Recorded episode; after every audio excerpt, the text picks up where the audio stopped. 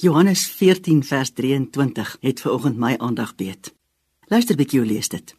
Jesus antwoord en sê vir hom: As iemand my liefhet, sal hy my woord bewaar en my Vader sal hom lief hê en ons sal na hom toe kom en by hom woning maak. In die teksvers is daar weer twee groot gedagtes om te oorweeg. Iemand wat Jesus liefhet, sal sy woord bewaar. En dan die eislike wonder. Ons sal na hom toe kom en by hom kom woning maak. Wie begeer dit nie? Maar kom ons begin voor. Hoe gemaak om sy woord te bewaar? Dit klink mos na iets meer as lees, nie waar nie? Dalk moet ons leer om vrae te vra oor die woord sover ons lees. Vind dan antwoord op hierdie vrae.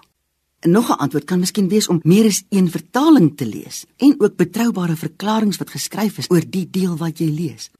Maar lees met die begeerte om die woord in jou hart te bewaar, want dink aan die beloning. Ons sal kom en by hom kom woning maak. Onthou ons Vader het ons 'n belofte in hierdie belofte tegemoet gekom.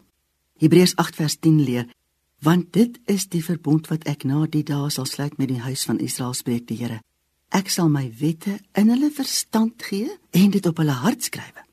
En ek sal vir hulle 'n God wees en hulle sal vir my 'n volk wees. Sy wet is liefde. Met ander woorde, hierdie woord sê, hy gee sy liefde in ons gedagtes en ook in ons harte. Ek sien my hart soos 'n tafel en hy skryf dit daarop. En hoekom doen hy dit? sodat ons denke en ons hartsgesindheid nie dadelik deur ons vleesmens bepaal word nie, maar deur sy gees wat ons in ons gees bedien. Kom ons gee ons volle aandag aan die woord wanneer ons daarmee omgaan. Dis nodig om 'n tyd in die dag op sy te sit, selfs 'n plek in te rig met wat jy ook al wil gebruik wanneer jy die woord lees. Kry 'n aantekeningboek waarin jy jou vrae kan neerskryf en ook jou antwoorde as jy dit kry. Praat met ander mense oor wat jy gelees het getuig en gee ander kans om ook hulle begrip van die spesifieke woord met jou te deel. Maar vat die boek, die Bybel en lees hom met die verwagting dat God drie enig in jou sal kom woning maak. Jy sal weet as dit gebeur. Jy sal hom in jou herken.